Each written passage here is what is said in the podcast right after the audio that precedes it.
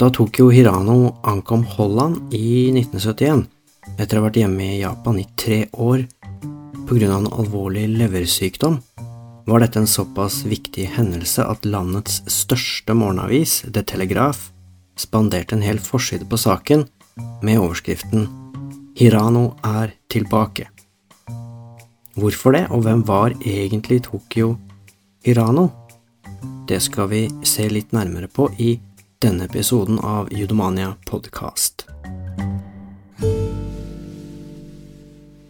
Hei, hei, og velkommen til Judomania, som fortsatt er en podkast om judo, kampsport og selvforsvar. Jeg heter Arne Midtlund og har trent judo siden 1983, og lagd en nettside om judo siden 1997. Nå lager jeg også en podkast, det er den du hører på nå, og den kan du høre på på judomania.no skråstrek podkast. Du kan også høre på den alle andre steder der du vanligvis hører på podkaster, og det er jo kanskje det aller greieste. Følg eller abonner like gjerne på Judomania med en gang, helt gratis, i den appen der du vanligvis gjør sånt, så går du ikke glipp av noe som helst. Så tilbake til Tokyo Hirano. Hvem var han egentlig, og hvorfor var denne nederlandske avisa så opptatt av Tokyo Hirano?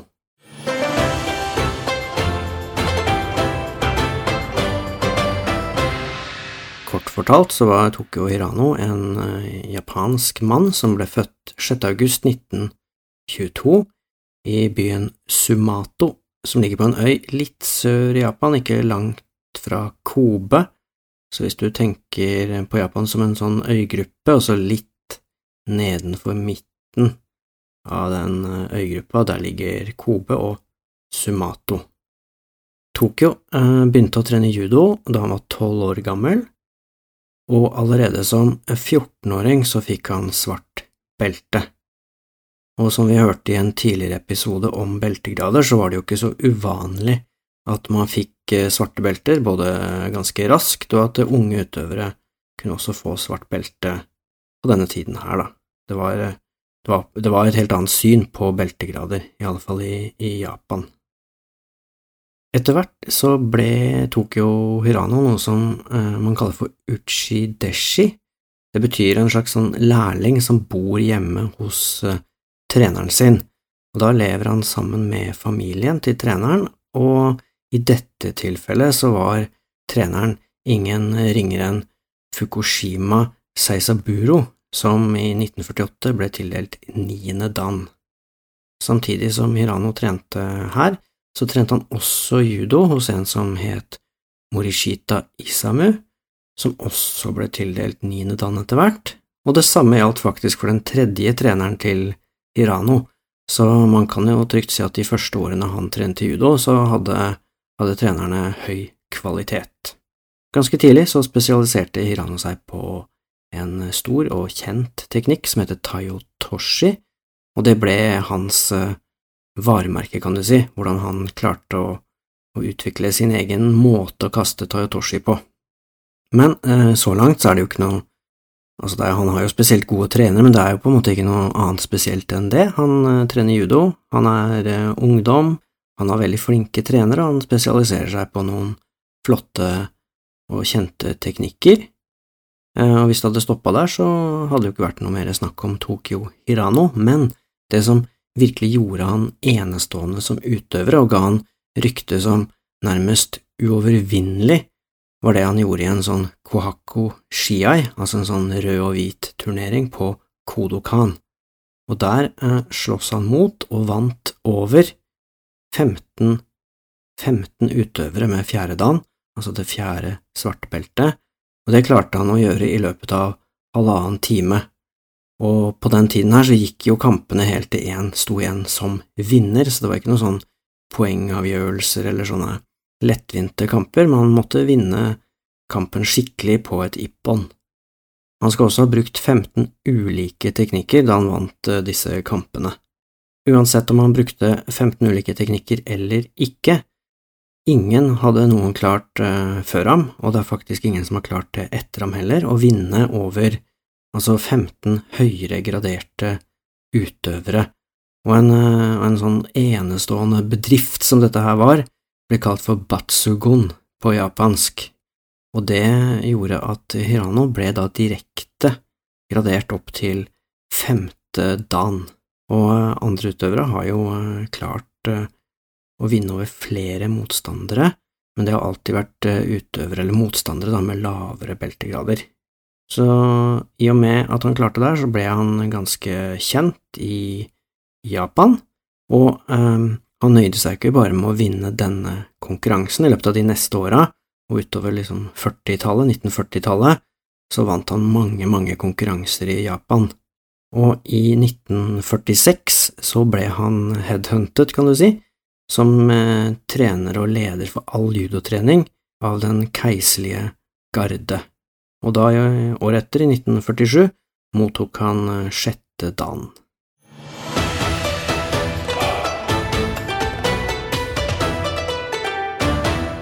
Og så langt er jo alt eh, vel og bra, og hadde det ikke skjedd noe mer, så hadde han sikkert blitt værende i Japan eh, i lang tid. Eh, men det var en konkurranse som skulle bli katalysatoren for at Hirano reiste til Europa, og da gikk Tokyo Hirano en kamp mot Yoshimi Osawa, og Yoshimi Osawa kan du lese om på nettsidene eh, judomania.no. Kampen ble dømt av eh, den legendariske Kyoso Mifune, som mange omtaler som eh, judoguden, og som ble regna som den beste judoutøveren i Japan noensinne.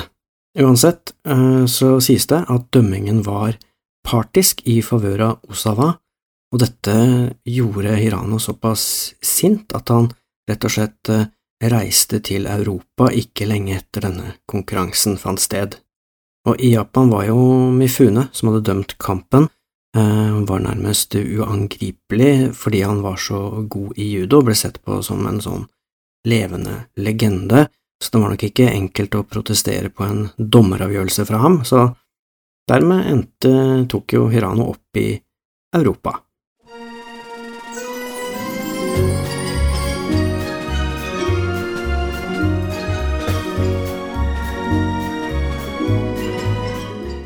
Og da han kom til Europa, så gjorde Tokyo Hirano mye for å utvikle og bidra til utviklingen da, av europeisk judo.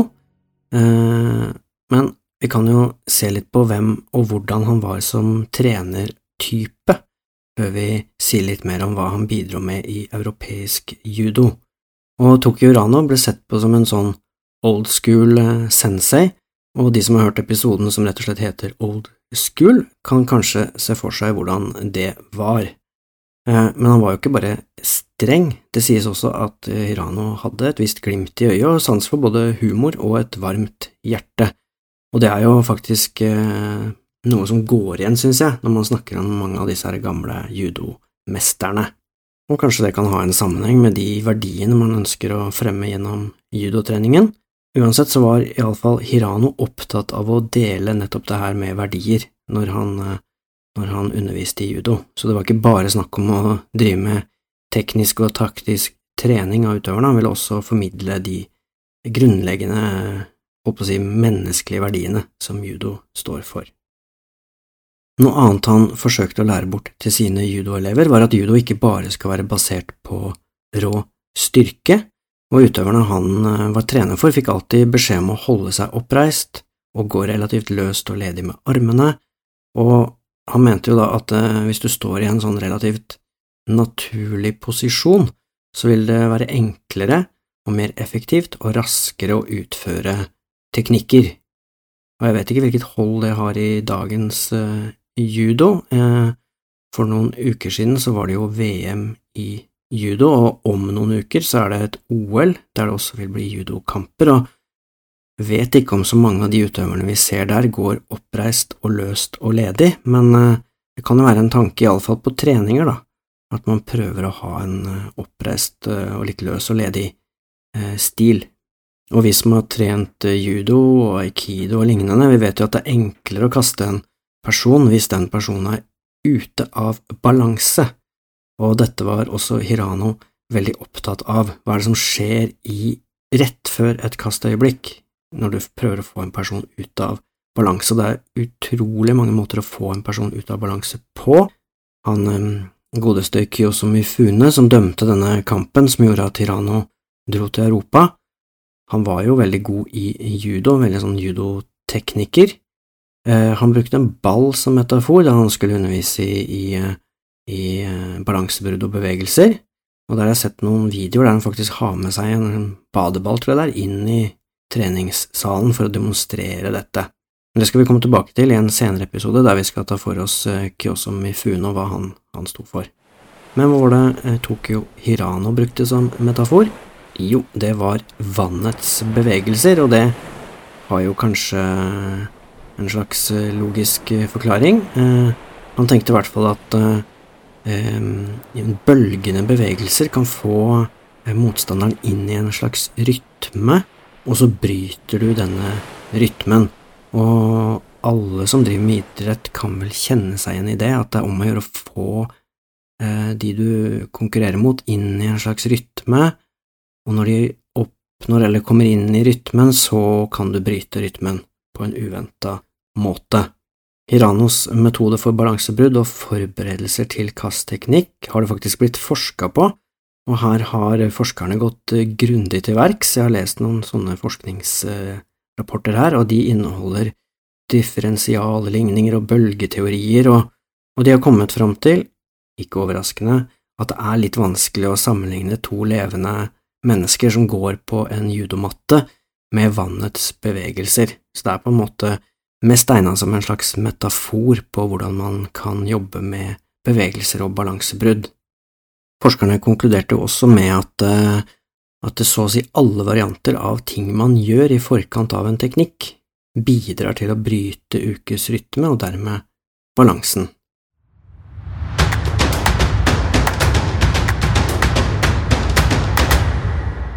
Og selv om det kanskje blir litt spissfindig og teknisk nå et minutts tid, så tar jeg det med likevel.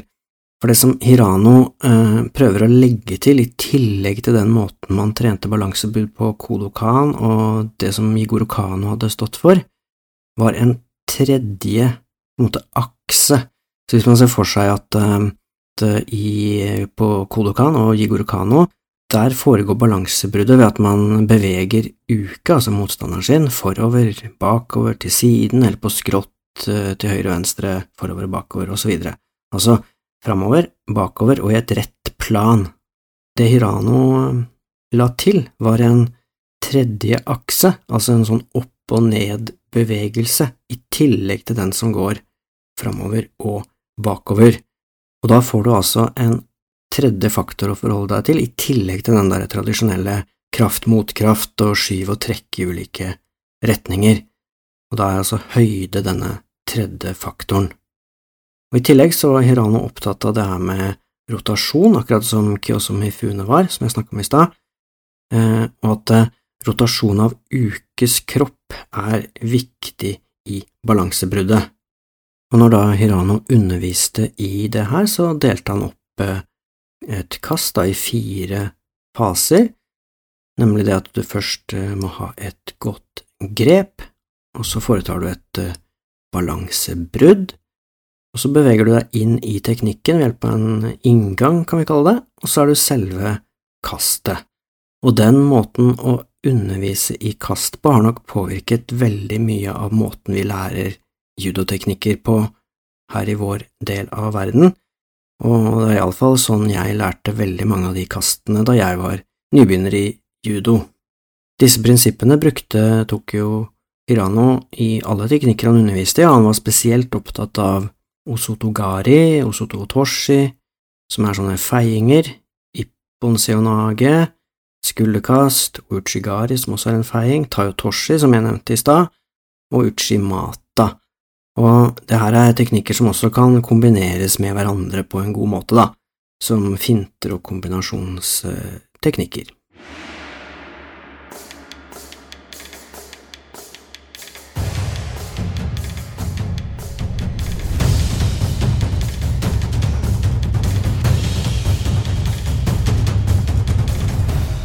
Det ble jo sagt om, det ble sagt om Hirano at han var en veldig dyktig judotøver, og, og, uten tvil, for han vant jo alle disse konkurransene som ung utøver i Japan, og det var ikke noe eh, enkle konkurranser å vinne det, det var seriøse greier.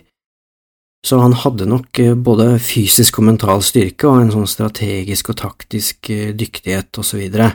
Og noen judohistorikere jeg har lest, eh, de antyder at det var litt vanskelig for utøverne hans å forstå alt han mente, særlig om disse bølgemetaforene og innlæring av balansebrudd osv.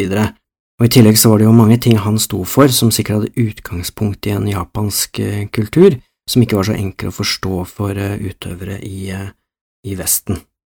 Så hvis vi skal prøve å oppsummere og koke der ned til et par setninger om hva var det Tokyo Irano bidro med, så var det først og fremst to ting.